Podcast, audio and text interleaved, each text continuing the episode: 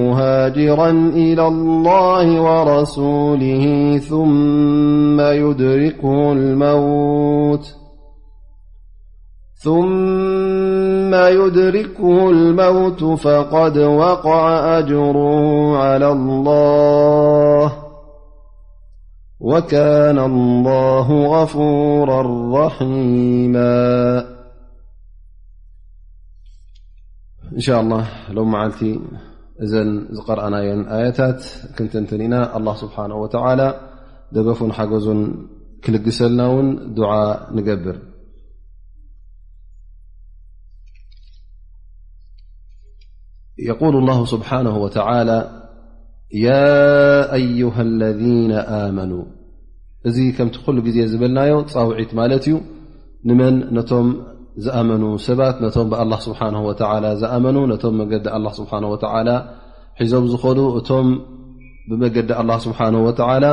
ተቐይዶም ዝኸዱ ኣላ ስብሓን ወተላ በዚ ጥዑም ሽም እፅውዖም ኣሎ ማለት እዩ እዚ ፃውዒት ድማ እንታይ ዝሓዘለ ማለት እዩ ኩሉ ግዜ ከምዝኣመሰለ ፃውዒት ክመፅእ እንከሎ ፅን ኢልካ ትሰምዖ ምኽንያቱ ወይ ኣላ ስብሓን ወተላ ካብ ጌጋ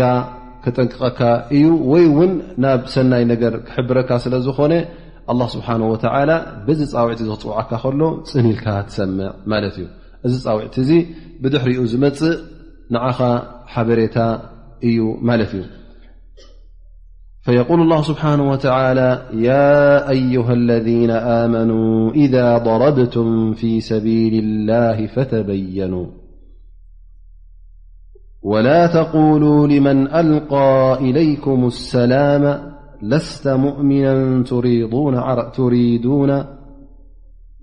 ተብተغና ዓረض ሓያት ዱንያ እዚ ፃውዒት እዚ ሕጂ ንመን እዩ ነቶም ምእንቲ ኣላ ስብሓን ወተላ ፊ ሰቢል ላ ኢሎም ካብቲ ዘለዎ ቦታ ናብ ካልእ ቦታ ከይዶም ንጅሃድ ክገብሩ ተበገሱ ሰባት ንኦም ሓበሬታ ዝህብ ይኸውን ማለት እዩ ኢዛ ضረብቱም ኣር ኣር ማለት መገሻ ማለት እዩ ኣضርቡ ፊ ኣርض ማለት መገሻ ማለት እዩ ስለዚ ኣላ ስብሓን ወተላ እንተ ኣብዚ መገሻ እዚ እዚ መገሻ እዚ ናይ ጅሃድ መገሻ ኮይኑ እሞ ናይ ጅሃድ መገሻ እንታይ እዩ ነቶም ፀላእቲ ነቶም ክሓቲ ምስኦም ምውጋእን ምቅታልን ስለ ዘለዎ ኣንቱም ሙእምኒን ክትዋግኡን ጅሃድ ክትገብሩ ክትወፁ ከለኹም እቲ ትዋግእዎ ዘለኹም መን ምኳኑ ኣረጋጊፅኩም ተዋግእዎ ሙእሚን እንተ ኮይኑ ክትቀትልዎ ኣይፍቀደኩምን እዩ ክትዋግእዎ ኣይፍቀደኩምን እዩ እንተ ፀላኢ ኮይኑ ግን ክሓዲ እተ ኮይኑ ንዕኡ ኢኹም እትቀትሉ ኢሉ ኣላ ስብሓን ወተላ ነዞም ሰሓበት ነቢ ስ ሰለም ይኹኑ ወላ ውን ነቶም ብድሕሪኦም ዝመፁ ሙእሚኒን እዚ ዓይነት እዚ ሓበሬታ ይህብ ማለት እዩ ኣላ ስብሓን ወተላ ምኽንያቱ እዚ ጉዳይ እዚ ወይ ከዓ እዚ መልእኽቲ እዚ ክወርድ እንከሎ ኣላ ስብሓን ወተላ ናይዚ ነገር እዚ ጠንቂ ስለ ዝነበረ እዚ ኣያ እዚኣ ኣውሪዱ ማለት እዩ እቲ ጠንቂ እንታይ እዩ ሓደ ግዜ ከምቲ ልእማም ኣሕመድ ዘመሓላለፉ ን እብኒ ዓባስ ቃል መረ ረጅሉ ምን በኒ ሰሊም ብነፈር ምን ኣስሓቢ ነቢይ صለ ላ ለ ወሰለም የርዓ غነማ ፈሰለመ ዓለይህም ፈቃሉ ማ ሰለመ ዓለይና إلا ليتعوذ منا فعمدوا إليه فقتلوه وأتو بغنمه النبي صلى الله عليه وسلم فنلت هذه الية يا أيها الذين منو ق ر كم الإمام أحمد رمه الله محللف عن بن عس ر الله عنه يبل بن سلم أل እናሓለፈ ከሎ ብመን ሓልፍ ማለት እዩ ኣስሓብ ነቢ ለ ላ ለ ወሰለም ወይ ከዓ እቶም ሙጃሂድን ኮይኖም ወፅኦ ነበሩ ካብቶም ኣስሓብ ነቢ ስ ሰለም ኣብ መንገዲ ዓሪዶም ነይሮም ማለት እዩ ንፀላኢ ዝፅበዩ ነይሮም ማለት እዩ ሕጂ እዚ ሰብ እዚ ካብ በኒ ሰሊም ይሓልፍ ብጥቕኦም ማለት እዩ ክሓልፍ እንከሎ ሕጂ ኣሰላሙ ዓለይኩም ኢሎም ይሓልፍ እዚ ሰላም እዚ ድማ ኩሉ ግዜ ናይ መን እዩ ናይ ኣስላም ስለ ዝኾነ እዚ እውን ኣስላማይ ነይሩ ማለት እዩ ኣሰላሙ ዓለይኩም ኢልዎም ይመፆም ማለት እዩ ሕጂ እቶም ኣስሓብ ነቢ ስ ሰለም ኣስላማይ ከም ምዃኑ ቅድሚ ሕጂ ኣይፈልጥዎን እዮም ነይሮም ንመጀመርያ ግዜኦም ኣሰላ እሞ እንታይ ይብሉ ሕጂ እዚ ሰብ እዚ ንዓና ምስ ረኣየ ፈሪሁ ንኸይ ንቐትሎ ወይ ከዓ ንኸይንዋግኦ ከይንሕድጎ ንብረቱ ከይንሕድጎ ኣጣሎ ከይንሕድጎ ኢሉ ካባና ንመከላኸሊ ዩ ገይርዋ እምበር እዚ ሰብ እዚ ብቐደም ሙስ ከምዘይኣሳማ ኢና ንፈለጥ ነርና ኢሎም እንታይ ገብሩ ማለት እዩ ነዚ ሰብ እዚ የጥቅዕዎ ማለት እዩ ንዕኡ ቀትሎም ተን ሒዞመን ተን ሒዝዎን ዝነበረ ጠለ በጊዕ ንዕአን ሃጊሮም ወይ ከዓ ንአን ከም ናይ ኩናት ሰልቢ ገይሮም ወሲዶመን ማለት እዩ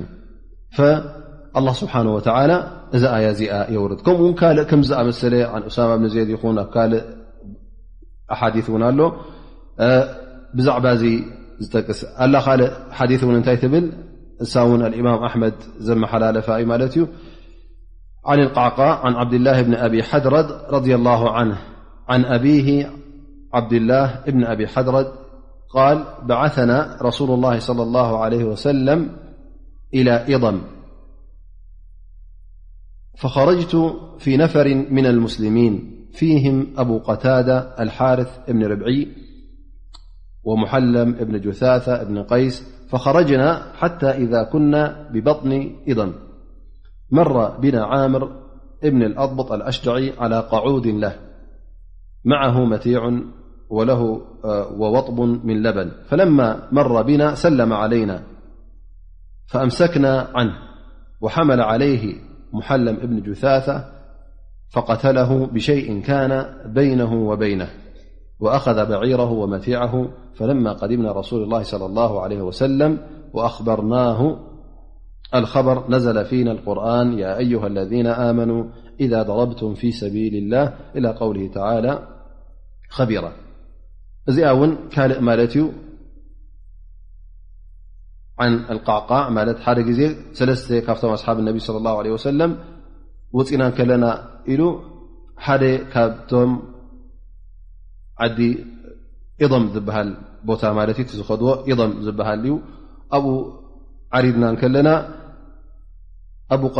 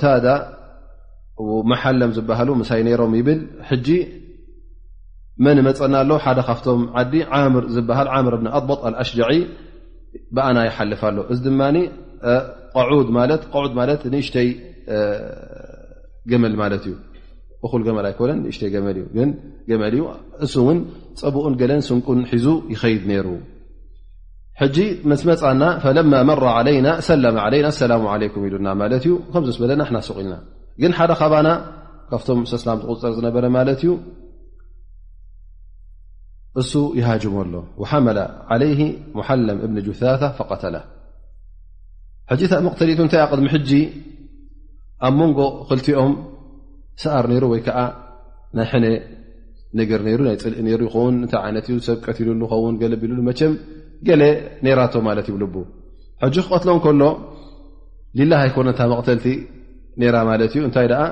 ናይ ቅድም ሒንታ ስለዘበ ቂምታ ስለ ዝነበረ ንዓኣ ንምፅራይ ማለት እዩ ፈቀተለ ብሸይ ካነ በይነ ወበይነ ወኣኸዘ በዒሮ እቲ ሰሪርዎ ዝነበረ ገመል እውን ንኡ ሓዲግዎ እቲ ብልዕን ገለመታት ኩሉ ወሲድዎ ማለት እዩ ምስ ተመለስና ንነቢ ስ ሰለም እንታይ ከም ተረክበ ነጊርናዮም ስብሓን ወተላ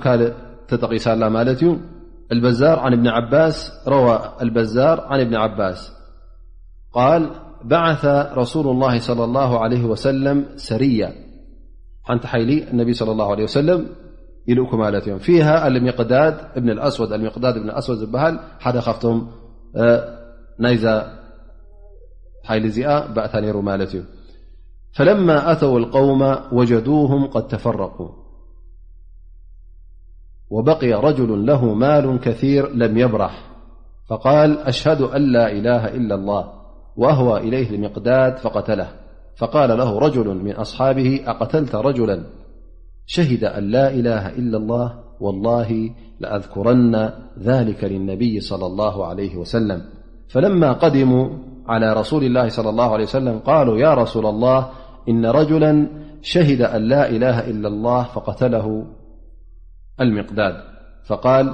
أ قال النبي صل لي وسلم أدعو لي لمداد يا مقداد أقتلت رجلا يقول لا إله إلا الله فكيف لك بلا إله إلا الله غدا قال فأنزل الله يا أيها الذين آمنوا إذا ضربتم في سبيل الله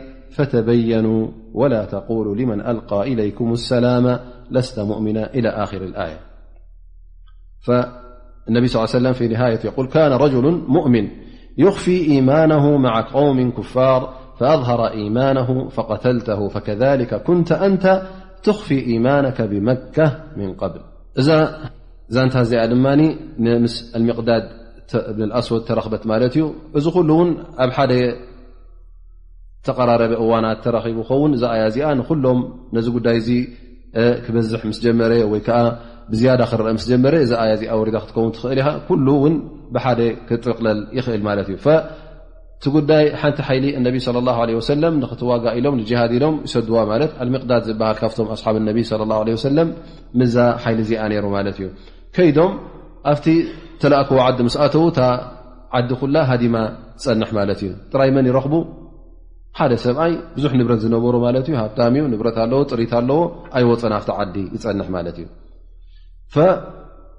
ምስ መፅዎ እንታይ ይብል ኣሽሃዱ ኣን ላላ ኢ ላ ይብል ማለት እዩ ሕጂ ሚቅዳድ እዚ ሰብ እዚ መታን ንብረቱ ከይውሰድን እቲ ዘለዎ ገንዘብ ንኸይውሰድን እዩ ኣ በር ቅድሚ ሕጂ ኣብዚ ዓዲ ኣስላማይ ኣሎ ሰሚዕና ኣይንፈልጥ ኢና ኩሎም ክሓቲኦም ሮም እዞም ን ፀላእትና ዮ ሮም ክንዋግኦም ኢና መፅና ኢሉ እሽትሃድ ገይሩ ማለት እዩ ነዚ ሰብ ዙ ይቀትሎ ማለት እዩ ምስ ቀተሎ ሓደ ካብቶም ብፆቱ ምስ ዝነበሩ እዛ ጉዳይ ዝገበርካያ ዓባይ ስለ ዝኾነት ኣሽሃዱ ኣላ ኢላ ላ እናበለ ከመይ ጌርካ ትቀትሎ እሞ ኣነስ እዛ ነገር እዚኣ ናብ ነቢና ሙሓመድ ለ ላ ለ ወሰለም ከብፅሓየ ይብል ማለት እዩ ዝተመለሱ ረኣዩ እቲ ኣማና ማለት እዩ ሕጂ ኣብ መንጎቶም ኣስሓብ ነቢ ስ ሰለ እቲ ጉዳይ ክርከብ ከሎ እተ ጌጋ ተረኪቡ እታ ጌጋ ቀጥ ኢሎም ናብ ነቢና ሓመድ ለ ላ ሰለም የብፅሖ ነይሮም ምእንቲ ምንታይ እንተ ጌጋ ኮይኑ ነቢ ስ ሰለም እዛ ጌጋ ከም ምዃና ክብርሃሎም እተ ቅንዕቲ ኮይና ድማ ቅንዕቲ ኮይና ብድሕሪ ሕጂ ንክገብርዋ ማለት እዩ ናብ ነቢና ለ ላ ሰለም መፅኦም ያ ረሱላ ላ ኣልምቅዳድ ኣብዛ ኬድናያ ዝነበርና ጉዕዞ ጅሃድ ንሓደ ሰብኣይ ኣሽሃዱ ኣን ላኢላ ለላ እናበለ ቀትልዎ እሞ እዚ እተረኸበ እዩ እሞ ሕናስ እታ ጉዳይ ባዕልኻ ክትፈርዳ የ ረሱላ ላ ናባኻ ኣቕሪበያ ኣለኹ ይብል ማለት እዩ ፈነቢ ለ ላ ለ ሰለም ንመን ይፅውዕዎ እድዑ ኣልምቅዳድ ንምቅዳድ ን ፀውዑለይ ይብል ምስ መፀ ያ ምቅዳድ ኣቀተልተ ረጅላ የቁሉ ላላ ላ ላ ዝብል ሰብኣይ ቀትልካ ኢሎም ነቢ صለ ላه ለ ወሰለም ይግስፅዎ ማለት እዩ ፈከይፈ ለካ ብላላሃ ኢላ ላ ን ፅባሕ ንግሆ ኣላ ስብሓን ወላ መስሓተተካስ እንታይ ኢልካ ክትምልስ ኢኻ ላላ ላ እዚኣ ቀላል ነገር ኣይኮነትን ከመይ ጌርካ ነዚ ሰብ እዚ ትቐትሎ ኢሎም እነቢ ለ ላ ለ ወሰለም ይዛረብዎ ማለት እዩ እዚ ሰብ እዚ ዝቐተልካዮ እወ ኣብቲ ዓዲ ናይ ክሓቲ እዩ ነይሩ ኩሎም ክሓቲ እዮም ነሮም ግን እዚ ሰብ እዚ ምናልባሽ ስኻ እውን ደይሰምዕካ ትኸውን ከምዘስብ ግን እዚ ኣብ ውሽጢ እቶም ክሓቲ ስለ ዝነበረ እቲ ዝነበሮ ኢማን ከግህዶ ኣይከኣለን ኣብ ልቡ ሒዝዎ እዩ ዝነብር ነይሩ እምበር ቅድሚ ሕጂ እዩ ገና እስኹም ከይመፃኹም ከለኹም እዩ ሙእሚን ነይሩ ኣስላማይ ነይሩ ግን ተዓዲ ዓዲ ክሓቲ ስለ ዝኾነ እታ እስልምንኡ ከዝህራን ከግህዳን ኣይከኣለን ስለዚ እዚ ሰብ እዚ ልቡ እታ ኢማኑ ሓቢእዋ ነይሩ እሞ ሕጂ እስኹም ምስ መፃእኩም ኣሕዋተዮም ኢሉ ኣስላምዮም ኢሉ እታ ኢማኑ ምሰርዓየኩም ነገረካ ከመይ ጌርካ ትቐትሉ ሕጂ እዚ ጌጋ ዝገበርካ እዩ እሞ እስኻስ ከምኡ እንዲኻ ነርካ ቅድሚ ሕጂ ኣብ መካ ኩላና ንሕና እውን ኣብ መካ ከሎ እቲ እስላማይ ጌና ኣብቲ ውሽጢ ሙሽርኪን እንከሎ እቶም ኣስሓብ ነቢ ለ ላ ለ ሰለም ኩሎም ኣብቲ እስልምና ክኣትዉ እንከለዉ ነቶም ስድሮኦም ንኣሕዋቶም ነቦታቶም ንኩሎም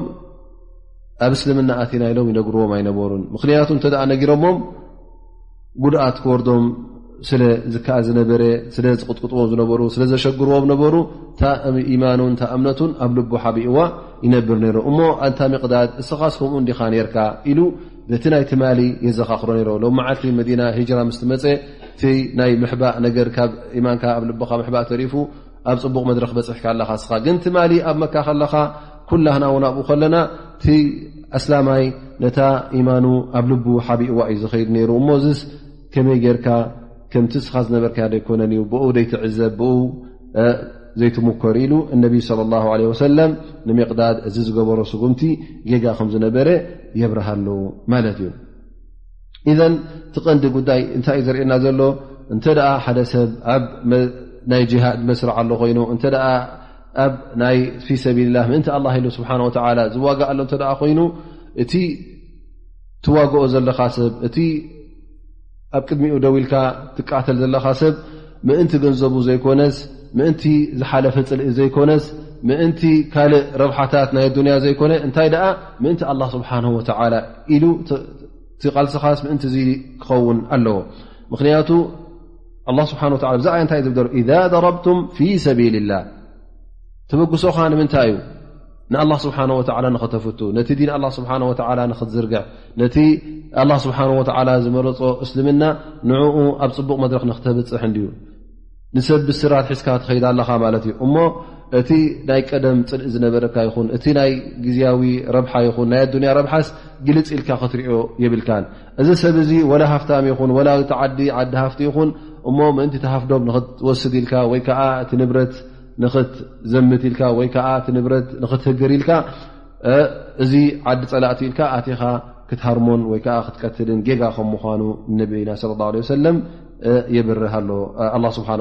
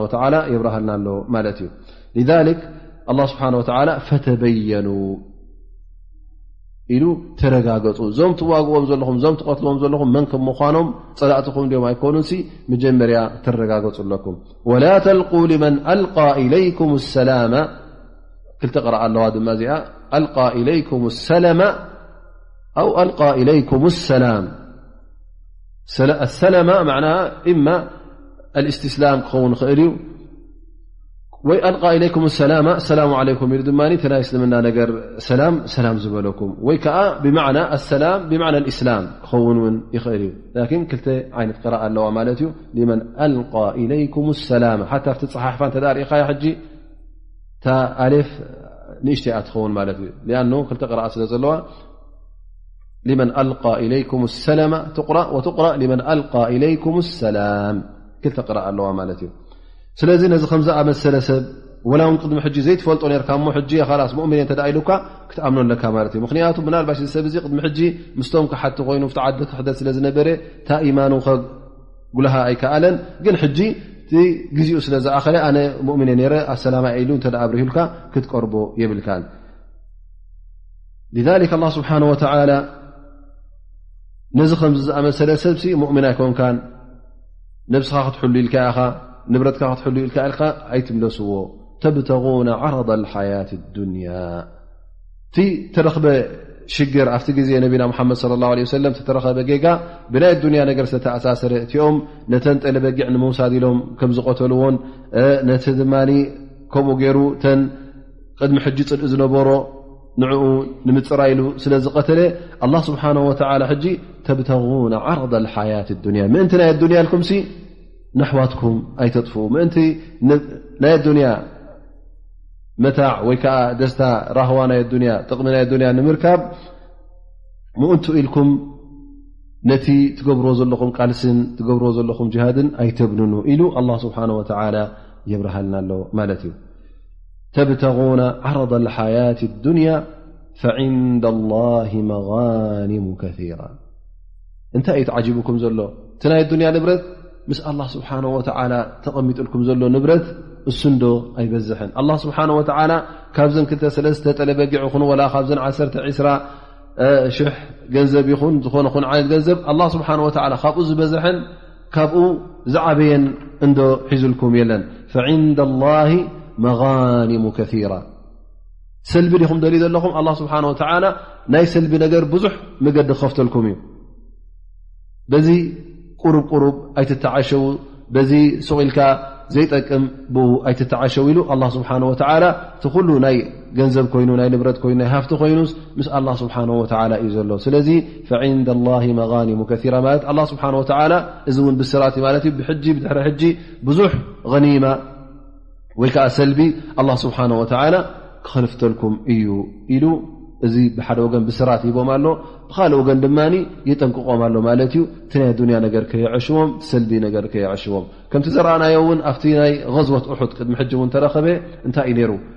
ከም ዝኣመሰለ ጌጋ ተረኪቡ ነይሩ ማለት እዩ እቲ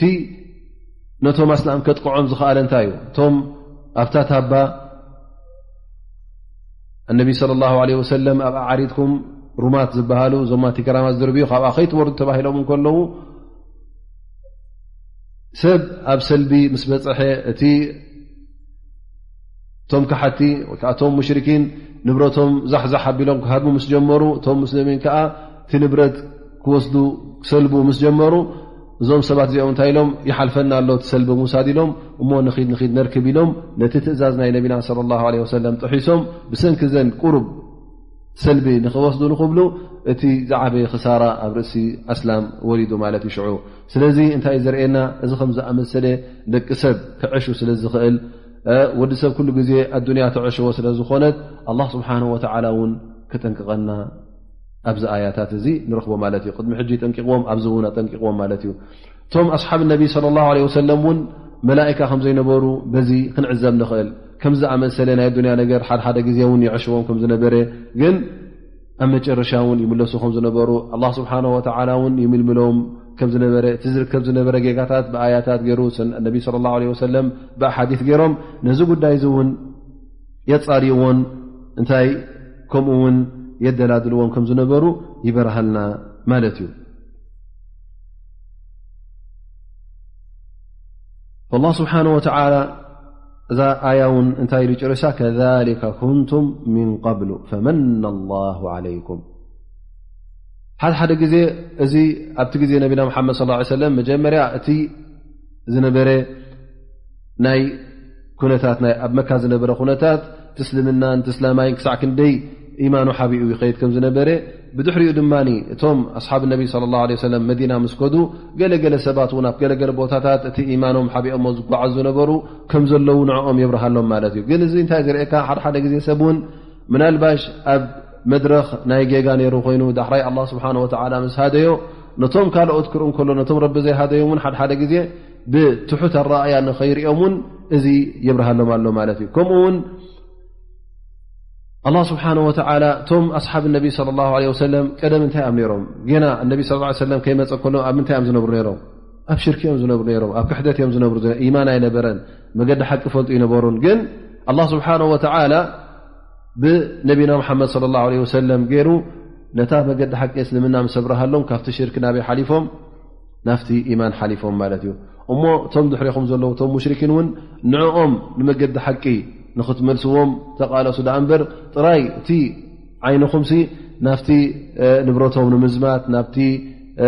ምቕታልን ጥራይ ኣይኹን እንታይ ኣ ትቐንዲ ናፍቲ ህዳያ ናፍቲ መገዲ ሓቂ መሓዝ እተ መገዲ ረቢሒዞም ዝበለፀን ዝዓበየን ንሱ እዩ እንተ ዳዕዋ ጌይርኩም ኣቅሪብኩሞም ናብ እስልምና ኣትዮም ኢልኩም እሱ እዩ ዝበለፀን ረቢ ኣላ ስብሓን ወተላ ዝፈትዎ እሞ እስኹም ውን ቀደም ውን ክሓቲ ኢኹም ነርኩም ላኪን ኣላ ስብሓን ወተላ መና ዓለይኩም ብልእስላም ወልኢማን ብነብና ሙሓመድ ለ ላ ለ ወሰለም እዘን ኩሉ ግዜ እንተ ደኣ ሓደ ሰብ ውን ጌጋ ክገብር ርኢኻ እስኻ ውን ከም ትጋግ ክትፈልጥ ኣለካ እቲ ሰብ ዝገብሮ ዘሎ ጌጋ እስኻ ውን ልክዕ ከምኡ ትጋግ ከም ምኳንካ ስለ ትፈልጥ እንተ ደኣ ከተዕሪ ኮንካስ ነታ ነብስኻ ርኢኻ መጀመርያ እሞ ኣነ ዝተደጋገየት ከመይ እዩ ነሩ እቲ ኣነ ዝፈትዎን ዝደልዮን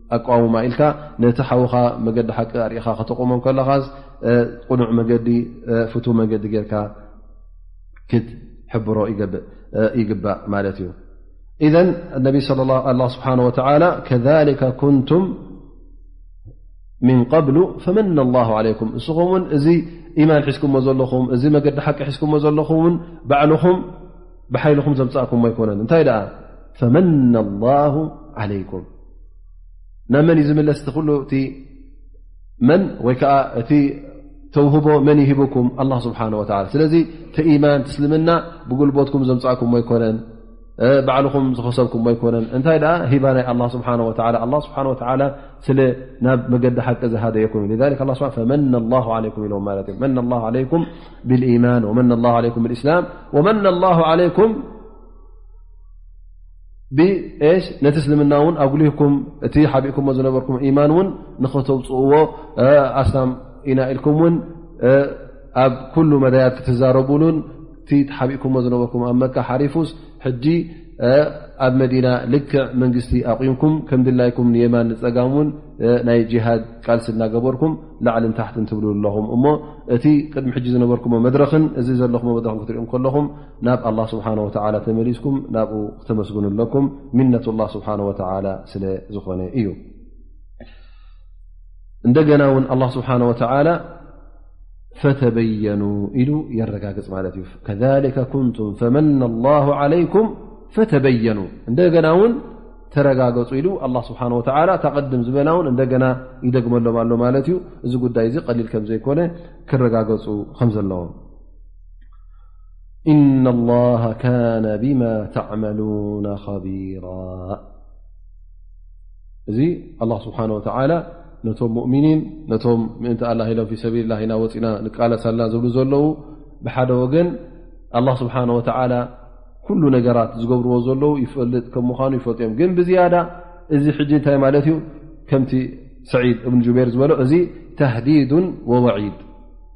ማለት ካብ ኣላ ስብሓን ወተላ ዝሕባእ ነገር የለን እዎ ምናልባሽ እስኻ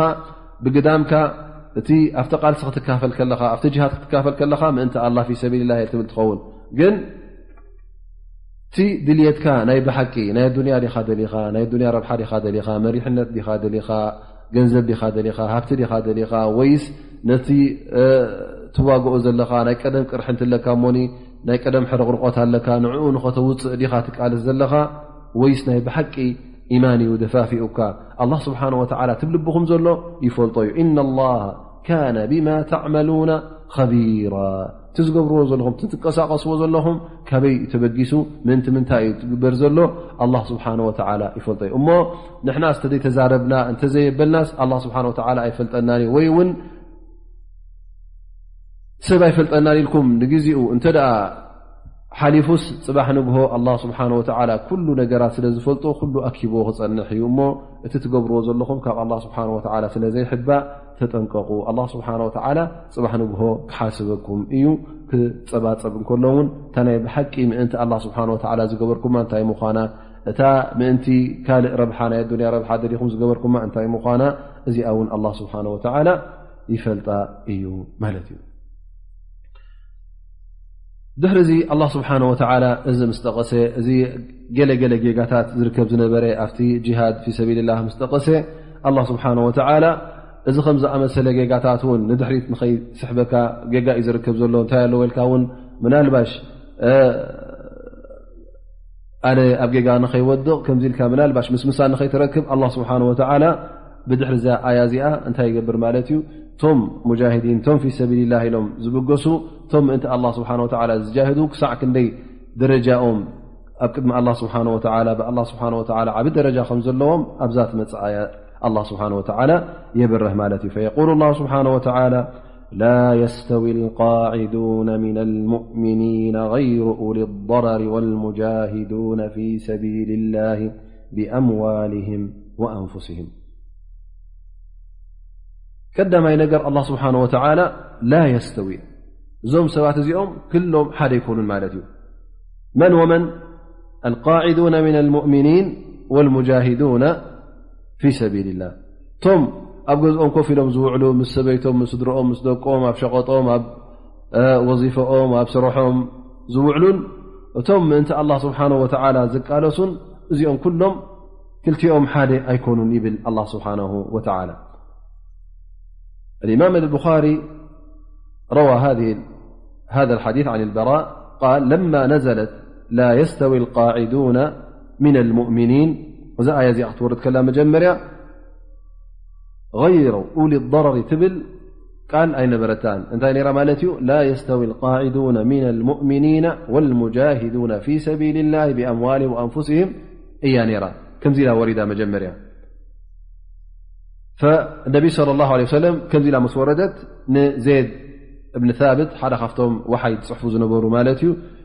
ن صحፋ يፅوع እ كمنحثي عن سهل بن سعدأروى عن سهل بن سعد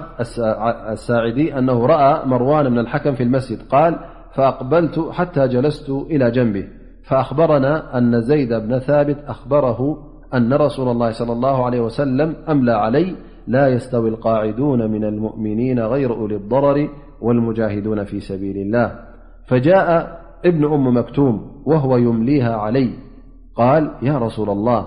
والله لو أستطيع الجهاد لجاهدت وكان أعمى فأنزل الله على رسوله- صلى الله عليه وسلم وكان فخذه على فخذي فثقلت علي حتى خفت أن ترض فخذي ثم سري عنه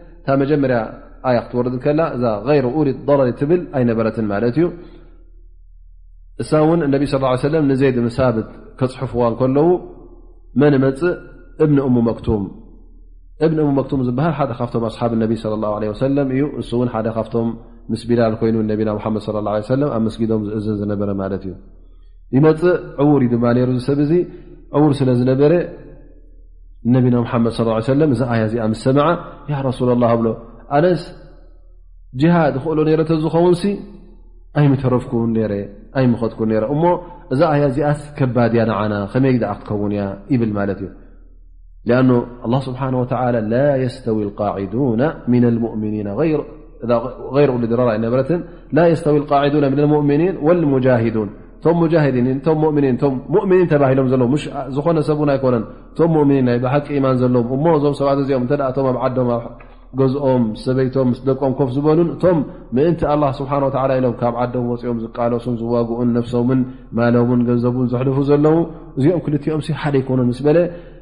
እዛ ነገር እዚኣ ከቢዳቶ ማለት እ እሞክቱም ያ ረሱላ ኣነ ክእል ነረ ተዝኸውን ሲ ኮፍ ኣይምበልኩን ምጃሃትኩ ነረ ይብል ላ ስብሓን ወተላ እዛ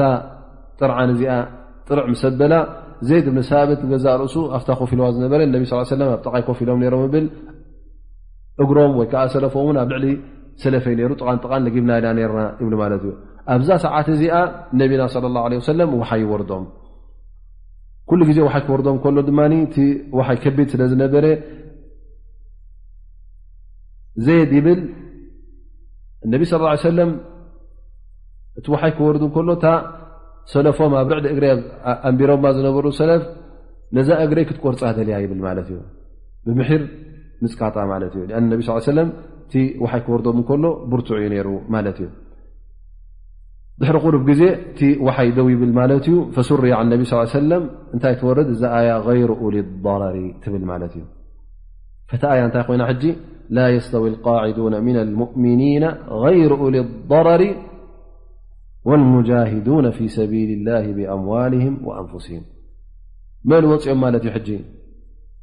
እቶም ጉደት ዘለዎም ማለት እዩ ክቃለስ ክዋጋእ ዘይክእል ንኣብነት ዕዉር እተ ኮይኑ ሓንካስ እተ ኮይኑ ኢዱ ቆራፅ እተ ኮይኑ ማለት ጉድለት ዘለዎ ክንቀሳቀስ ዘይክእል ኣብ ሜዳ ናይ ኩናት ማለት እዩ ከምዚኦም ዝኣመሰሉ ኣላ ስብሓን ወተላ ኣብዚ ኣያ እዚኣ ይምሕሮም ማለት እዩ ብሰንኪታ ሕቶ ዝሓተታ እብን እሙ መክቱም ማለት እዩ ሕጂ እንታይ ይኸውን እቶም ሙእምኒን غይሩ ኡሊ ضረሪ ማለት ነቶም ኣካለ ስንኩላን ኣውፅእካ ክእለት ዘይብሎም ወይ ከዓ ውን ንኣሽቱ ቆልዑት እተ ኮይኖም ህፃናት ወይ ከዓ ብጣዕሚ ዝኣረገ ሰብ እተ ኮይኖ ክዋጋእ ዘይክእል እዚኦም ኩሎም ወፁ ማለት እዩ ላ ስብሓን ወተላ እዞም ሰባት እዚኦም ፈፂሞም ሓደ ኣይኮኑን ይብል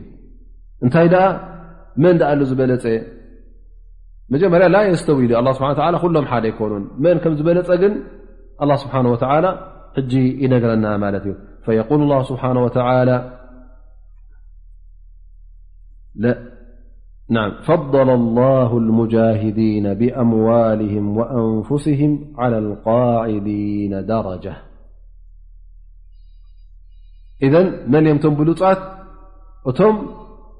ብገንዘቦም ብማሎም ማለት እዩ ከምኡ ውን ብነፍሶም ምእንቲ ኣላ ስብሓን ወተላ ዝቃለሱ እዞም ሰባት እዚኦም ኣላ ስብሓን ወተላ ብምንታይ ኣብሊፅዎም ካብቶም ካልኦት ሙእምኒን ብደረጃ ሓንቲ ደረጃ ዚኣ ሓንቲ ደረጃ እንታይ ኣለዋ ማ ምሽክላ ሶም ትንፋሶ ሓሊፉ ገንዘቡ ኣጥፍኡ ሓንቲ ደረጃ ክረክብ ኮይኑስ ቀላል እያ ትመስል ኣይኮነን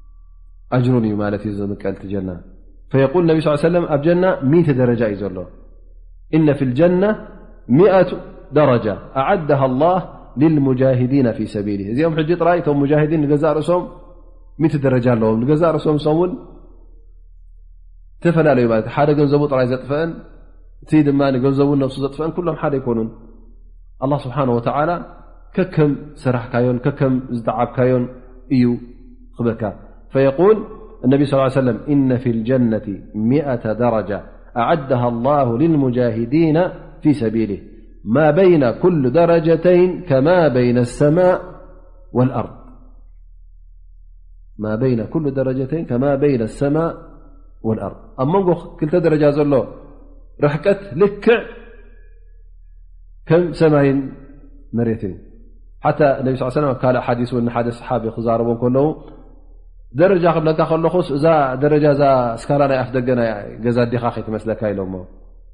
እዛ ደረጃ ክትበሃል ከላ ቀላል ነገር ኣይኮነትን እንታይ እያ ከማ በይነ ሰማ ወኣር ምክንያቱ ደረጃ ስካላ ናይ ኣፍደገ ደረጃ በሃል እሞ ከምኣ ከይትመስለካ ሶም ስድሓነ ወይ ከዓ ከምዚ ናይ ኣብዚ ሕጂ ዘለካ ደረጃት ዝበሃል ማለት እዚ ደርብታት ኮይኑ ዝስራሕ ዘሎ ገዛውቲ ከምኡ ውን ከይመስለካ ማለት እዩ እንታይ ደኣ ኣብ መንጎ ሓንቲ ደረጃ ናፍታ ካልይቲ ዘሎ ርሕቀት ልክዕ ከም ሰማይን መሬትን ማለት እዩ እቲ ሽሻይ ኣብኡ ዘሎ እውን ልክዕ ተፈላለየ ክኸውን ማለት እዩ ጥራይ ርሕቀት ናይ ቦታ ኣይኮነን ርሕቀት እንታይ ኣ ሽሻይ እውን ተፈለየ ክኸውን ማለት እዩ እቲ ፅጋብ ዘሎ ራህዋ ዘሎ ፍስሃ ዘሎን ኣብ መንጎ እቲ ደረጃ ክልኡ ዘላ ዝተፈላለየ ማለት እዩ እቲ ልዕሌኻ ዘሎ ዝበለፀ ማለት እዩ እስኻ ትሕቲኦ ክትከውን ከለኻ ኣብቲ ደረጃ እውን ዝተሓዝካ ኮንካ ኣለኻ እቲ ትረኽቦ ደስታን ትረኽቦ ፍስሃን ከምቲ ልዕሌኻ ዘሎ ኣይኮነን እንታይ ኣ ካብኡ ዝተሓተ እዩ ዝኸውን ذሊክ ኣላ ስብሓን ወላ ደረጃ ክብለና ከሎስ ሓንቲ ደረጃ ዩ ወሲኽዎም ዘሎ ዞም ሙጃሂዲን እንታይ ኣለዋ ከይትብል ንገዛእ ርእሶም እቶም ሙጃሂዲን ነንነብሶም ሚእቲ ደረጃ ኣሎ ፍልሊ እሞ እስኻ እንተ ደኣ ፍፂምካ ዘይጃሃትካ ወይ ከዓ ብልብኻ ውን ንክጃሃድ ኢልካ ንያ ዘይብልካ እተ ኮይንካስ ኣበኻ ክትሰፍር ማለት እዩ ምስቶም ሙጃሂዲን ፈፂምካ ኣይከተርክበሎምን ኢኻ ማለት እዩ ፈየቁል ላ ስብሓን ወተላ እዚ ምስ ገለፀ ውን ሑስና ግን ኣ ስብሓ ወላ እቶም ዘይጃሃዱ እውን ንሓዊ ጃሃንም እዮም ኣይበለን ኣጅሪ የብሎምን ኮንት ኦም ኣይበለን ግን እዞም ሰባት እዚኦም እዞም ሙእምን እዮም እውን ኣ ስብሓ ወላ ራ ቀሚጡሎም ኣሎ ኣጅሪ ኣለዎም በቲ ኢማኖም በቲ ዝሰርሕዎ ዘለዎ ሰናይ ተግባር ኣለዎም ግን ቲ መድረኽ ቲ ደረጃ ናይቶም ሙጃሂዲን ፈፂሞም ኣየርክብዎን እዮም ይብል ኣሎ ማለት እዩ እቶም ኡሉ ضረር ዝበልናዮም ግን ኣውፅእናዮም ኢና ማለት እዩ እዞም ሰባት እዚኦም ኣላ ስብሓን ወተላ ናፃ ኢልዎም ኣሎ ካብ ምንታይ ካብ ጅሃድ ግን ተኣጅሮም ብዕዙር ብምኽንያት ቅቡል ምኽንያት ዝተረፈ ሰብ ወይ ከዓ ብቅቡል ምኽንያት ክጃሃድ ዘይከኣለ እውን እቲ ኣጅሪ ናይ ጅሃድ ኩሉ ግዜ ክረኽቦ እዩ ማለት እዩ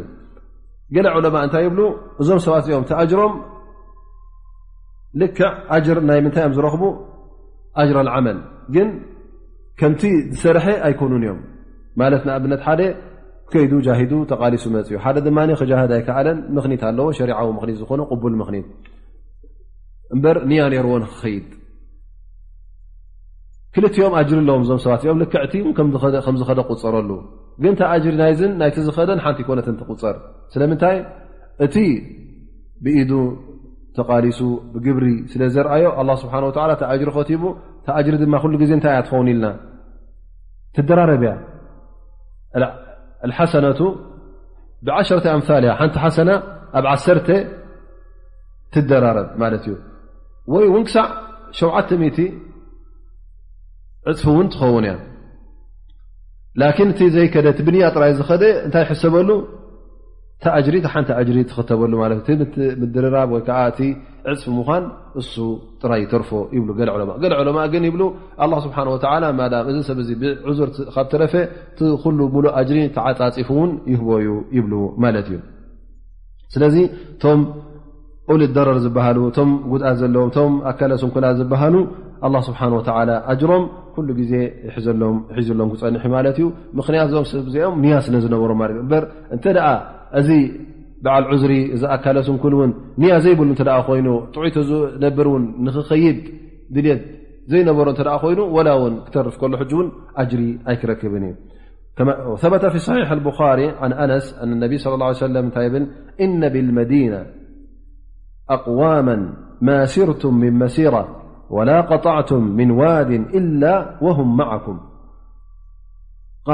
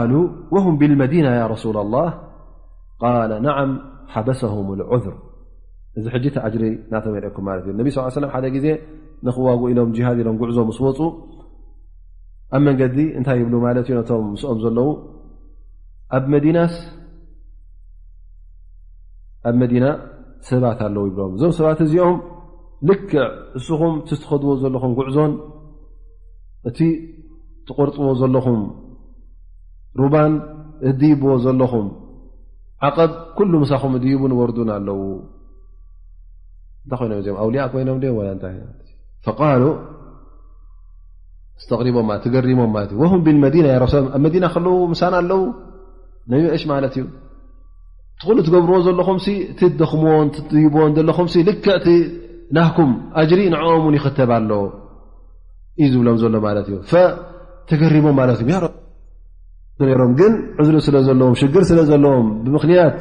ስለ ዝተረፉ ኣላ ስብሓን ወተዓላ ኣጅሮም ነዞም ሰባት እዚኦም ሙሉእ ዘይጉዱል ገይሩ ይህቦም እዩ ኢሉ እነቢ ለ ላ ለ ወሰለም ብዛዕባ እዚኦም ይጠቅስ ማለት እዩ ኢዘን ኣላ ስብሓን ወተዓላ እቶም ዝተረፉን እቶም ሙእምኒን እውን ኩሎም ኣጅሪ ከም ዘለዎም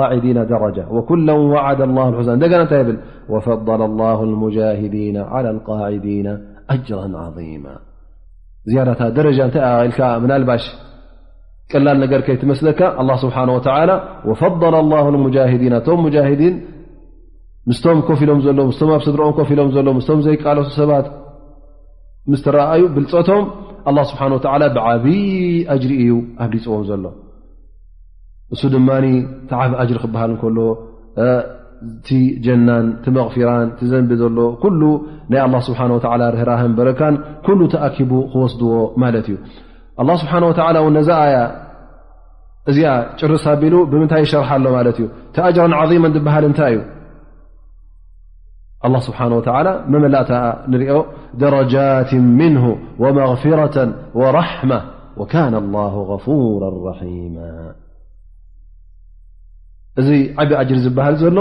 ዝተፈላለየ ደረጃታት እዩ ሓደ ደረጃ ኣይኮነን ልክዕ ከምቲ ሓዲ ዝበልናዮ ኣ ስብሓ እቶም ሙጃሂዲን ሚእቲ ደረጃ እዩ ገይርሎም ዘሎ ተፈላለየ ስብሓ እዛ ኣጅራ ዓማ ዝበላ እዛ ደረጃ ዝበላ ደረጃት ምንሁ እዚ ሕጂ ካብ ኣላ ስብሓን ወላ ተዋህቦም ማለት እዩ ኣላ ስብሓን ወላ ን ኩሉ ግዜ እንታይ ኢልና ክህብ እንከሎ ኣዋህባኡ ኣዋህባ ጎይታ እዩ ኩሉ ግዜ ለጋስ ኣዋህባ ለጋስ እዩ ከም ኣላ ስብሓን ወተላ ዝልግስ የለን ደረጃት ምንሁ ዝፈለለ ደረጃታት ኣላ ስብሓን ወተላ ኣብዚ ሚት ደረጃ ከከም ስርሖምን ከከም ቃልሶምን ኣላ ስብሓን ወተላ ኣብዚ ደረጃታት እዚ ኮፍ የብሎም ወመፊራ ከምኡውን መቕፊራ ብ ዝሓለፈ ዘንቢ እውን ብሰንኪ ዝገበርዎ ቃልሲ ኣላ ስብሓን ወተላ ይምሕሮም ወራሕማ እንደገና ውን ኣላ ስብሓን ወተላ ብርህራሀኡ ኣብቲ ርእሲ ኣጅሮም ኣጅሪ ውስኸሎም ኣብቲ ርእሲ መቕፊራ ድማ መቕፊራ ይውስኸሎም ኩሉ ግዜ ከምቲ ነቢና ሙሓመድ ለ ላ ለ ወሰለም ዝበልዎ ዝኾነ ይኹን ወዲ ሰብሲ ብስርሑ ብዓመሉ ይኮነን ዝኣት ንጀና ብምንታይ ደኣ ብራሕማ ምስ ራሕመትላ ሓ ነቢ ስ ሰለም ከምኡ ምስ በልዎ እነቢ ስ ሰለም ተገሪሞም ቶም ኣስሓብ ነቢ ሓታ እንተ ያ ረሱላ ላ ወላ ስኻ ውን እዚ ኩሉ እናገበርካ ለይትን መዓልትን ትሰግድ ፀውም ትቃለስ ነፍስኻ ኣሕሊፍካ ረሱል ኢኻ እቲ ትገብሮ ዘለኻ ኩሉ እናተኸተበልካ ከሎ ያ ረሱላ ላ እሞ እዚ ኩሉ ትገብሮ ዘለኻስ ጀና ክእትወካ ኣይክእልን እዩ ይብል ማለት እዩ ኢሎም ይሓቱ ፈነቢ ለ ላ ለ ሰለም ወላ ኣና ኢላ ኣን የተቀመደኒ ላ ብራሕመት እዘ ራሕማ ረቢ እንተ ዓብልሉካስ ምንም ሽግር የብልካን ማለት እዩ ኩሉ ሽግርካ ተፈትሑ ማለት እዩ ላ ስብሓን ወተላ ነቶም ሙጃሂዲን ኮይኑ ነቶም ሙእምኒን ኮይኑ ነቶም ኣንብያ ኮይኑ ነቶም ሰናይ ዝገብሩ ኮይኑ ጀና ክእትዎ ከሎ ብራሕመቱ የእትዎ ከም ምኳኑ ኣላ ስብሓን ወ ነዞም ሙጃሂዲን እውን ኣብቲ ርእሲ ተግባሮም እውን ኣላ ስብሓ ወላ ራሕማ ይውስኾም ወካነ ላሁ غፉራ ራሒማ ኣላ ስብሓን ወተላ እውን ምሕረተኛ غፉር እዩ ከምኡ ውን ለዋህ ራህራሂ ከም ምኳኑ እዛ ነዛ ኣያ እዚኣ ይድምድማ ማለት እዩ እሞ እቶም ካብ ጅሃድ ዝተረፉ ውን ድሕርሕር ዝበሉ ውን ኣላ ስብሓን ወተላ ውን እዞም ሰባት እዚኦም እተ ተባይሎም እተ መቕፊራ ሓቲቶም ውን ኣላ ስብሓን ወተላ ክቕፍረሎም ከም ምኳኑ ኣብ ርእሲ እዚ እውን እዛ ኣያ እዚኣ እንታይ ተብርሃልና ይብሉ ገለ ዑለማ ሃድ ን ኩሉ ግዜ ፈርዲ ዐይን ከምዘይ ምኳኑ ኣን ላ ስብሓን ወላ ሕጂ ኣብዚ ጥራይ እቲ ብልፀት እዩ ዘርእየና ዘሎ በሪ እቶም ሙእምኒን ሲ ካብቲ ኢማኖም ወይ ከዓቲ ኢማኖም ጎደሎ ማለት ኣይኮነን ሙእምኒን እዮም ዝቁፅር ላ የስተዊ ኣልቃዒዱና ምና ልሙእምኒና ኣላ ስብሓ ላ ሙእምኒን ገይሩ ገሊፅዎም እሞ ካብቲ ኢማን ኣይወፁን ማለት እቲ ጅሃድሲ ሓደ ካብቲ ኣርካን ልእስላም ወይከዓ ኣርካን ልኢማን ኣይኮነን ማለት ፈርዲ ዓይን ኣይኮነን ከም ሰላት ከም ዘካት ከም ስያም ኣይኮነን ግን ብልፀቱ እውን ቀሊል ኣይኮነን እበር ገላ ከምቶም ካልእ ንኣብነት ሕጂ ሺዓ ንገዛእ ርሶም ሓደ ካብቲ ኣርካን እስላም እዮም ዝቆፅርዎ ንጅሃድ ምክንያቱ ነቲ ኣያታትን ነቲ ሱና ነብን ንኡ ሪኦም ምስቲ ቀንዲ ዋጅባት ናይ እስልምና ገይሮም ይፅብፅብዎ ማለት እዩ ላኪን ኣላ ስብሓን ወተላ እቶም ዕለማ ዝበልዎ በዛ ኣያን ብካልእ ኣያታት ሪኦም እወ ሓደሓደ ግዜ ጅሃድ ፈርድዐ ዝኾነሉ ዋጅብ ዝኾነሉ ሰዓታት ኣሎ ግን ኣብ ተራ እዋን እንተ ኮይኑ ፈርድዐን ከምዘይ ምዃኑ እንታይ ደኣ ብሉፅ ከም ምዃኑ ኣላ ስብሓን ወላ ኣብሊፁ ከም ዝሪኦ እዚ እዩ ዝበርሃልና ማለት እዩ ኢዘን ካብዛ ኣያ እዚኣ ድማ ከምዚ ዝኣመሰለ ፋይዳ ንረክብ ማለት እዩ እዚ ኣያ ድማ እንታይ ይበና ማለት እዩ ክልተ ኣገደስቲ ነጥብታት ኣለዋ ማለት እዩ ላ ስብሓን ወላ እንታይ እዩ ዝሕብረና ዘሎ እዚ ኣያ እዚ ንመን እዩ ወሪዱ መጀመርያ ነቶም ኣብቲ ግዜ ነቢና ሓመድ صለ ላ ለ ሰለም ዝነበሩ ኣስሓብ ነቢ ለ ላ ለ ሰለም ወሪዱ ማለት እዩ እዛ ኣያ እዚኣ ክትጠቅስ ከላ እንታይ ነይሮም ማለት እዩ ኣብዚ ግዜ እዚ ኣብቲ ግዜ ነቢና ሓመድ ስ ሰለም እውን ካብቲ ጅሃድ ዝተራረፉ ኢማኖም ውሕድ ዝበለ ገለገለ ነይሮም ማለት እዩ ኢዘ ኣላ ስብሓን ወተላ እቲ ዝነበረ ኩነታት ሕጂ የብርሃልና ኣሎ ማለት እዩ ወዲ ሰብ እውን ኩሉ ግዜ ወዲ ሰብ ምዃኑ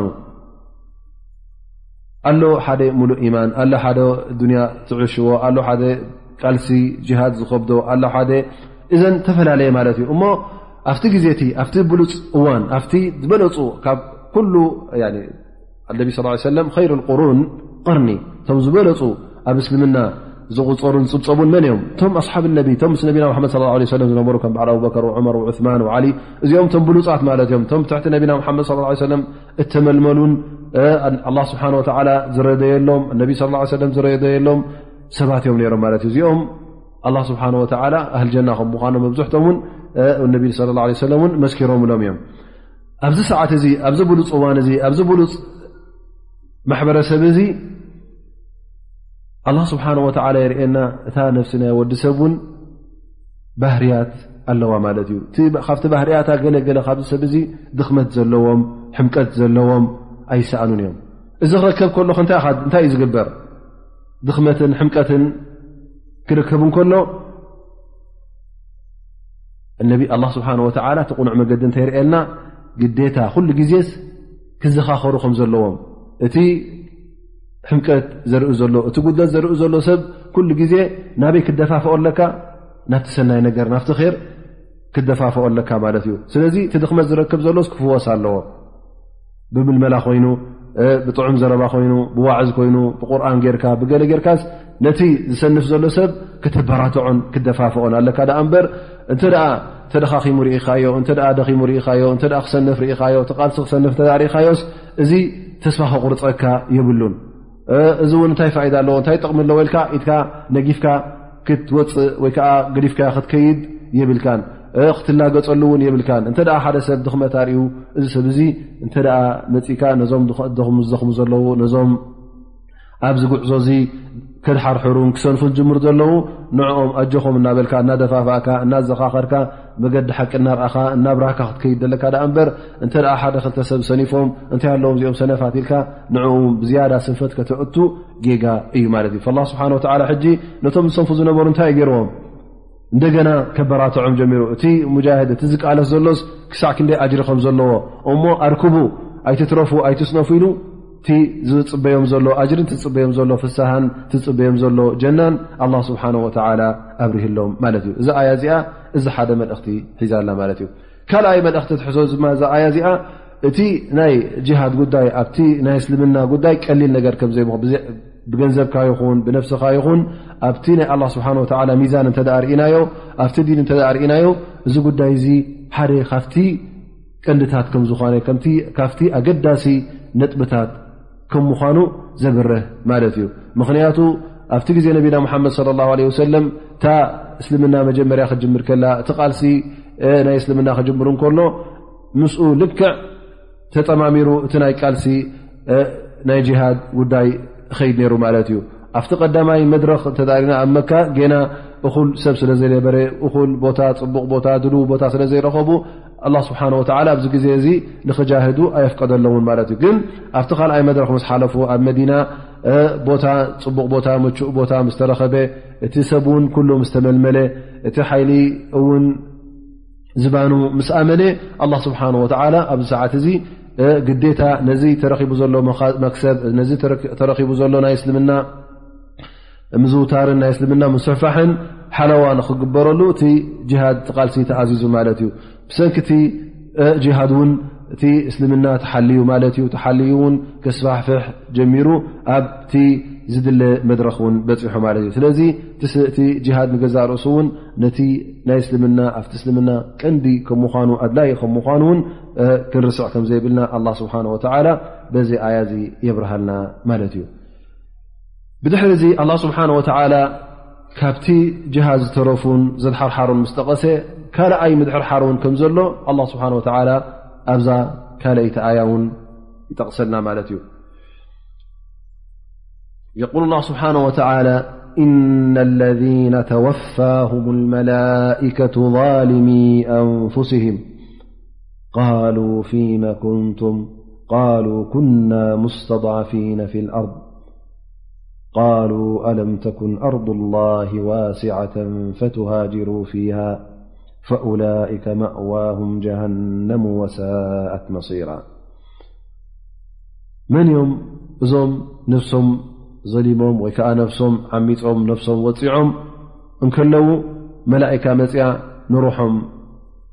ወይከዓ መላከ ናይ ሞት ማለት ዩ መለከ ሞት መፅኡ ንሩሖም ዝቆልብ መመን እዮም እዞም ሰባት እዚኦም መን እዮም የኽዋን ትፈልጥዎም ንመን እዩ ኣላ ስብሓን ወላ ኣብዚ ጠቒሱ ዘሎ እነ ለذነ ተወፋሁም መላካ ظልሚ ኣንፍስህም ነብስኹም ወፂዖም እከለዉ ነብሶም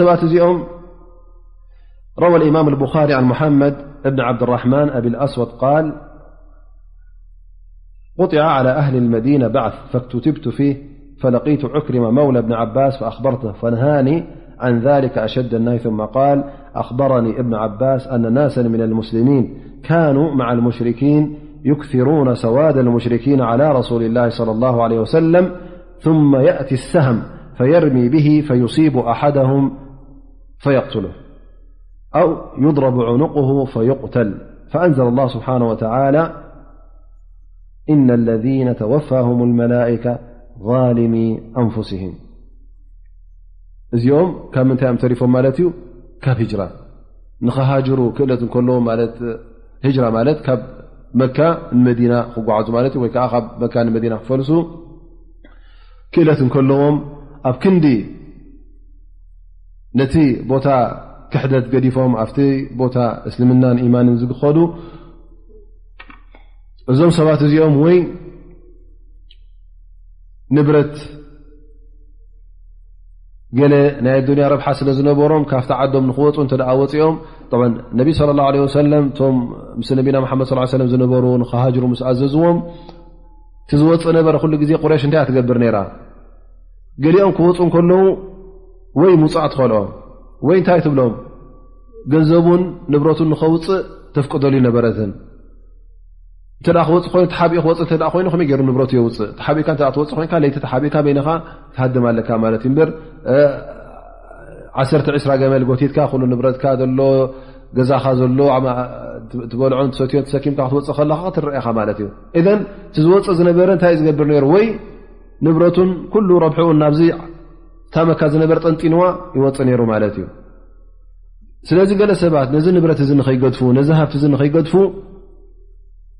ኣብ እስልምና ኣቲና ኢና እስልምና እናበሉ ከለዉ እንታይ ይገብሩ ኮፍ ኢሎም ይተርፉ ነይሮም ወይ ከዓ ገሊኦም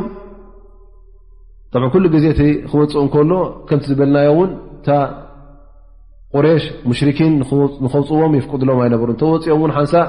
የርክብዎም ወይ ክቐትልዎም ፍትኑ ወይ ገለ ነሮም ማለት ፍርህ ኣሎ ማለት እዩ ክትወፅእ ከለኻ ውን ምናልባሽ ብድሕሪካ ኣርኪቦም ንኸይቀትልኻ ስለዚ እዚ ነገር እዚ ድኻም ኣሎ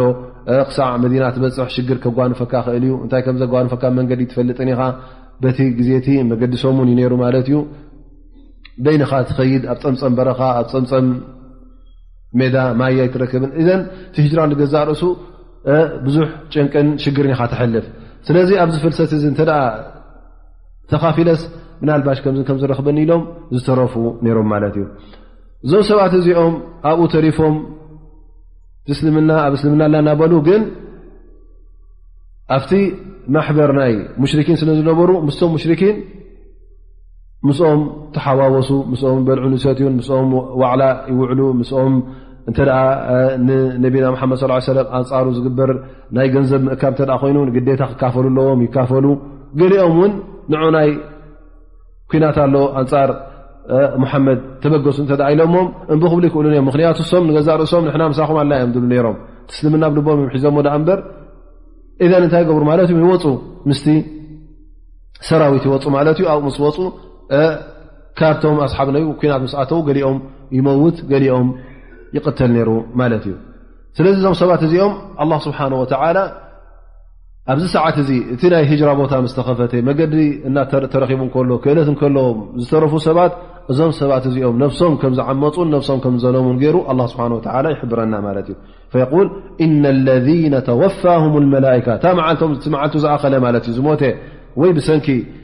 መቕትልቲ ይኹን ወይ ከዓ ብሰንኪ መዓልቱ ኣኪሉ ኣብኡ ከለዉ ናብ ዓራቱ ዝሞተ ይኹን እዞም ሰባት እዚኦም እንታይ ይኮኑ ቫልሚ ኣንፉስ እም ነፍሶም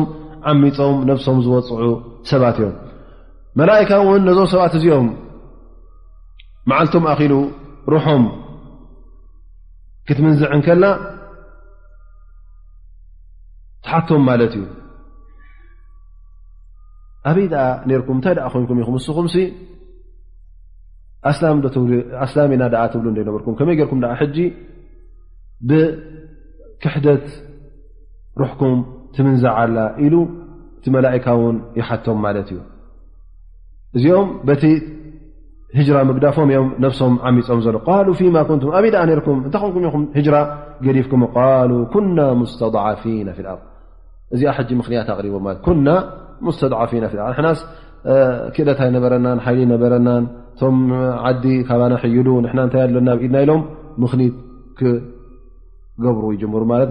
ዓዲ ክሕደት ዓዲ ሽርክ ዝመረፁ ኣብ ክንዲ ኣብቲ ዓዲ ማን ዓዲ እስልምና ዓዲ ህራ ዝኸዱ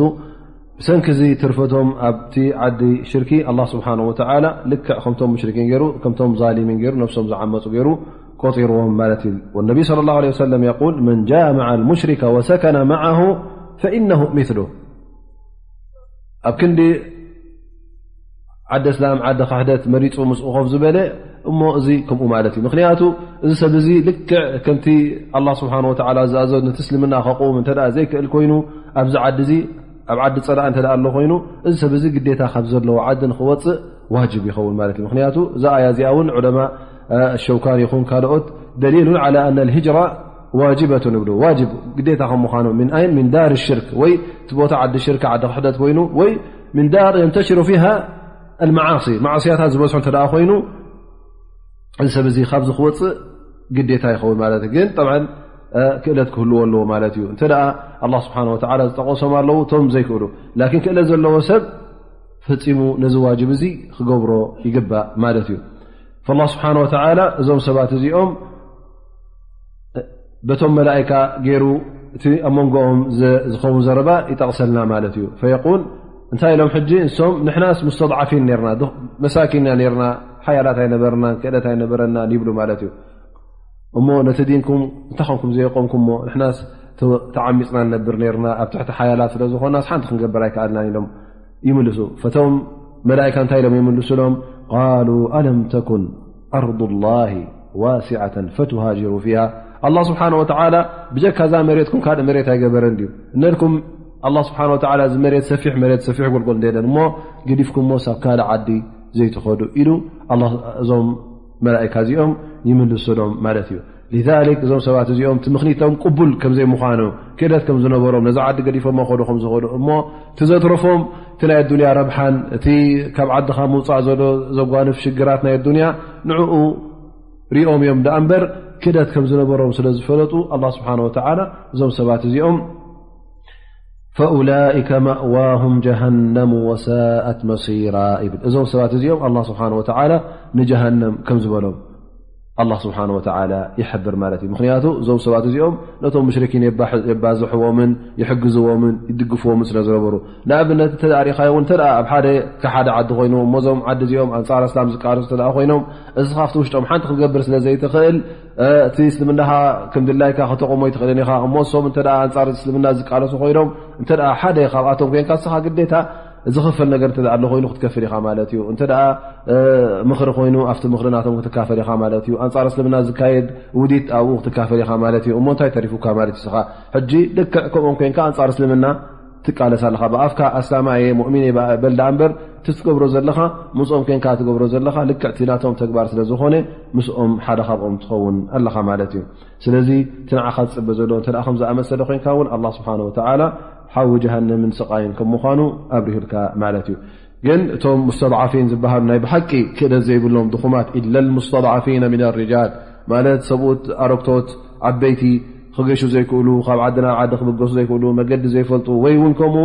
ወኒሳ ደቂ ኣንስትዮ ውን መገዲ ዘይክእላ ዘይፈልጣ እተ ኮይነን ከምኡ ውን ወልዊልዳን ንኣሽጡ ቆልዑት ህፃናት እተ ኮይኖም እዞም ሰባት እዚኦም ላ የስተጢዑነ ሒለة ወላ የህተዱነ ሰቢላ እዞም ሰባት እዚኦም መገዲ ስለ ዘይፈልጡ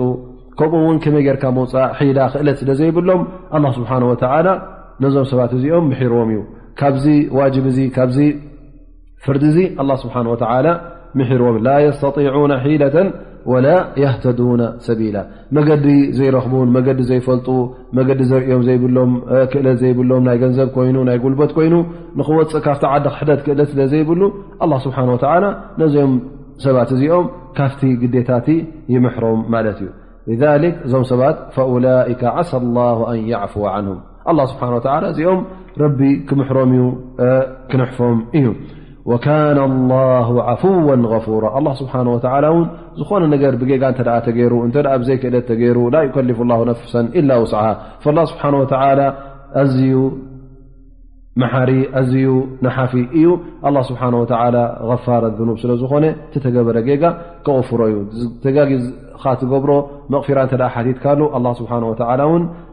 እምብዛ በዓል መቕፊራ ከም ምዃኑ በዛ ኣያ እዚ ይበርሃልካ ማለት እዩ ብድሕሪ እዚ ኣላ ስብሓን ወተላ እውን ብዝያዳ እቲ ህጅራ ዝገብር ሰብ ምእንቲ ኣላ ስብሓን ወተላ ዝሃጅር ዝፈልስ ካብ ዓዱ ዓዱ ገዲፉ ዓዲ እንዳቦኡ ገዲፉ መሬቱን ህዝቡን ገንዘቡን ደቁን ቤተሰቡን ኩሎም ገዲፉ ዝወፅእ ሰብሲ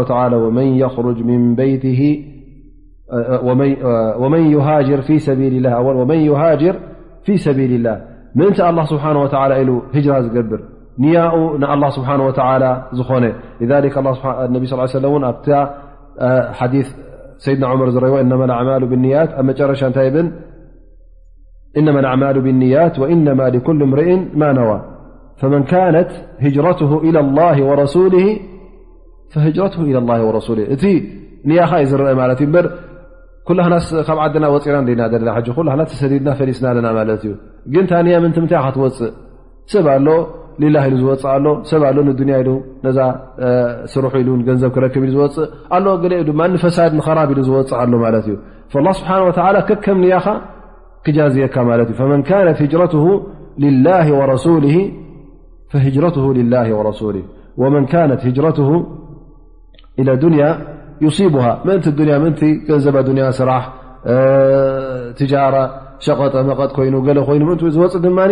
ናይ ኣዱኒኡ ረቢ ስብሓን ወተዓላ ከፍተሉ ማለት እዩ ኣው እምራኣትን የተዘወጁሃ ወይ እውን ዝፈትዋ ሰበይቲ ናቶ ተዓድቲ ምእንቲ ኢሉ ተዓዱ ገዲፉ ካልእ ዓዲ ከይዱ እታ ሰበይቱ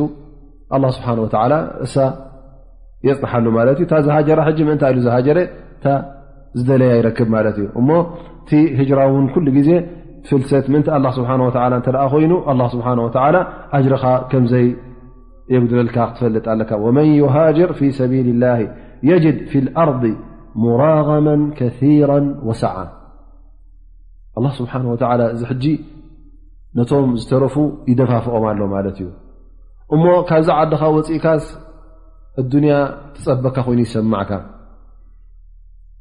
ብኣንፃሩ እተ ምእንቲ ኣላ ስብሓን ወላ ፊ ሰብላ ወፅእካስ ኣላ ስብሓን ወተላ ሰዓ ገብረልካ ርዝቂ ዝያዳ እዩ ዝኸፍተልካ መራቀመን ማለት ድማ ካብቲ ዝነበርካዮ መሬት ካብቲ ዝነበርካዮ ዓዲ ዝበለፅ ዓዲ ኢካ ትረክብ እቲኦም ኣፃይቦምልካ እንዲኦም ነይሮም ሕጂ ምስ ወፃእካ ካብቲ ዝነበርካዮ ዝሓሽ ኮንካ ንዕኦም ብዝያዳ እንታይ ይኾኖም ማለት እዩ ጣዕሳ ይኾኖም ማለት እዩ ብዝያዳ ንዕኦም ይሕርሮም ምክንያቱ ካብቲ ዝነበርካዮ ፅበት ወፅእካ ብዝያዳ ኣዕሪፍካን ተሓጒስካን ክሪኡካ ከለዉ እዚ ሙራغመን ኣይ ረቒመ ኣንፍሁም ማለት እዩ እቲ ትረኽቦ መሬትን ትረኽቦ ዓድን ካብቲ ዝነበርካዮ ዓዲ ዝበለፀ ይኸውን ማለት እዩ ወሳዓ ኣብ ርእሲኡ እውን ኣላ ስብሓን ወተላ ናይ ርዝቂ ኮይኑ ናይ ካልእ ሽሻይ እውን ይፈትሓልካ እዩ ስለዚ እታ ነገር ብዓይኒ ፀቢብ ዓይኒ ትርኣያ ኩሉ ሰብ ገለ ሰባት ተ ካብቲ ዓዲ ወፅኡ ልክዕ ከም ዓሳ እዩ ዝመስሎ ከምዚ ዓሳ ካብ ባሕሪ ተውፅኦ ዘለካ ዝመውት ከምኡ እዩ ዝመስሎ ላ ስብሓን ወተላ የተባብዓ ኣሎ ማለት እዩ ነቶም ኣብ መካ ዝነበሩ ወይ እውን ነዞም ከምኦም ዝኣመሰሉ እተ ኣብ ሓደ ዓዲ እቲ ዲንካ ብቐጥ ኣቢልካ ክትሕዞ እቲ ኣላ ስብሓን ወላ ዝኣዘዘካ ኩሉ ኣብ ግብሪ ክተውዕሎ እተ ዘይትኽእል ኮይንካ ዲግባ ከተቕውመሉ ዘይትኽእል ዓዲ እተ ኮይኑ ትማ ይኹን ኣብ ግዜ ነቢና ሙሓመድ ሎሚ ይኹን ኣብዚ ግዜና እንተ ዲንካ ዘይተቕውመሉ ኮይኑ ካብካብቲ ዓዲ ወፅእካ ኣብ ዓዲ ዲንካ ተቕውመሉ ዓዲ ንክትከይድ እዚ ትዋጅብ ይኸውን ማለት እዩ ግን ኣብዚ ሎ ግዜና ንሪኦ ዘለና መብዝሕቱ ካብ ዓዲ ስላም ገዲፉ ናበይ ዝፈልስ ዘሎ ናብ ዓዲ ክፍር ናብ ዓዲ ክሕደ ዝፈልስ እውን ይረአ ኣሎ ማለት እዩ እቲ ዋጅብ ኣብ ክንዲ ዝግበር ሕጂ እታ ዋጅብ ተገምጢላ ማለት እዩ ምእንቲ ናይ ኣዱንያ ረብሓ ምእንቲ ስራሕ ምእንቲ ገንዘብ እቲ ዓዲ ኢማን ዓዲ እስላም ገዲፉ ሰብ ናበይ ይኸይዳ ኣሎ ማለት እዩ ናፍቲ ዓዲ ክሕደት ይኸይዳ ኣሎ ማለት እዩ እንተ ናይ ብሓቂ ሽግር ኣለዎ ኮይኑ ኣሸጊርዎ ኮይኑ እዚ ኣላ ስብሓን ወተዓላ እዩ ዝፈልጦን ዝርኦን ንስኻ ግን እቲ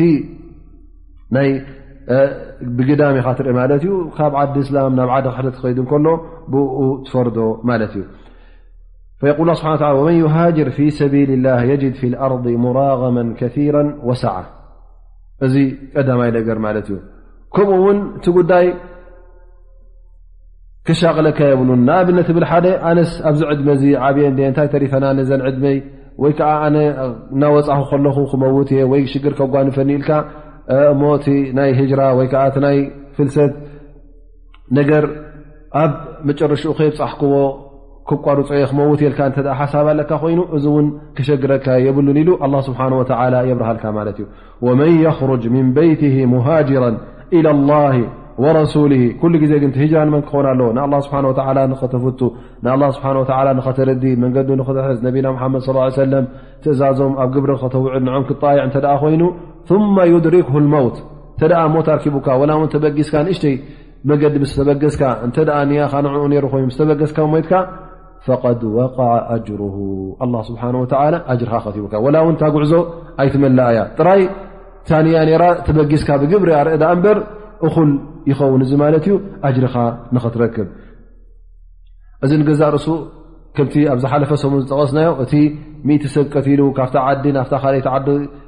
ንክኸይድ እቲ ዓልም ምስ ኣዘዞ ካብቲ ዓዲ ክፍኣት ካብቲ ዓዲ ማዕስያ ናብቲ ዓዲ ር ክገይስ እከሎ ህጅራ ክገብር ፍልቕ ክፈልስ እከሎ እዚ ሰብ እዚ እንታይ ኮይኑ ማለት እዩ ኣብ መንገዲ ሞይቱ ላ ስብሓን ወተላ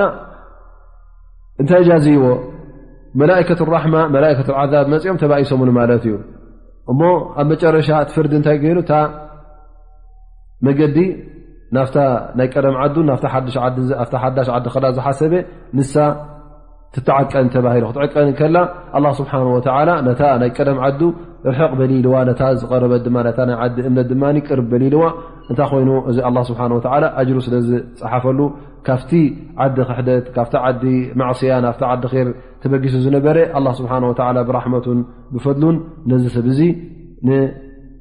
መቕፊራ ነቶም መላእከት ራሕማ ከም ዝወስድዎ ገይርዎ ማለት እዩ እዘን ስለዚ ከሻቕለካ የብሉን እቲ ጉዳይ እንተ ምእንቲ ኣላ ስብሓን ወላ ተበጊስካ እንተ ናይ ብሓቂንያ ኣለካ ኮይኑስ ወላ ውን ቲ ናይ ፍልሰት ጉዳይ ናይ ህጅራ ጉዳይ ፍርቁ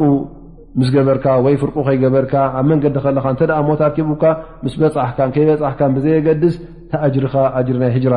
ፅሑፍ ከም ምኳኑ እሞ ኣንቱም ንመን ዝብለቶም ኣብ ግዜ ነቢና መሓመድ ስ ሰለም እቶም ካብ መካ ክትወፅ ከለኹም ክሳዕ መዲና ትበፅሑ እንታይ እዩ ዘጓንፈና ከይንመውት ኢልኩም ትሓስቡ እንዲኹም ዘለኹም ወላ መንገዲ ተሞትኩም ሲ ትህጅራኹም ተኣጅርኹም ፅሑፍ እዩ ወላ ፀላእቲ ረኺቦም ኣብ መንገዲ እተ ቀቲሎም ኹም ሻቅለኩም የብሉን ጥራይ ተበገሱ ንመዲና ገፅኩም ናብ ህጅራ ገፅኩም ኣትክሉ ኢሉ ኣላ ስብሓን ወተላ ይሕብሮም ማለት እዩ ብመጨረሻ ዛ ኣያ ድማ ስብሓ ላ ወካነ ላሁ غፉራ ራሒማ ይብል እንተ ሓደ ሰብ ዝገበሮ ጌጋ ነይሩ ኮይኑ ቅድሚ ሕጂ ዝገበሮ ውን ብሕጂ እውን እተ ሃጅርኩም እቲ ቅድሚ ሕጂ ዝነበረ ዝገበርኩምዎ ጌጋ ኣላ ስብሓን ወተላ ክምሕረኩም እዩ ኣላ ስብሓን ወተላ ብራሕመቱ እውን ንጀና ከእትወኩም እዩ እቲ ተገበረ ጌጋ እውን ክስርዞ እዩ ኢሉ ኣላ ስብሓን ወተላ ነዛ ኣያ እዚኣ በዚ ይድምድማ ማለት እዩ እሞ ናይ ሎሚ ደርስና በዚ ይፍፅም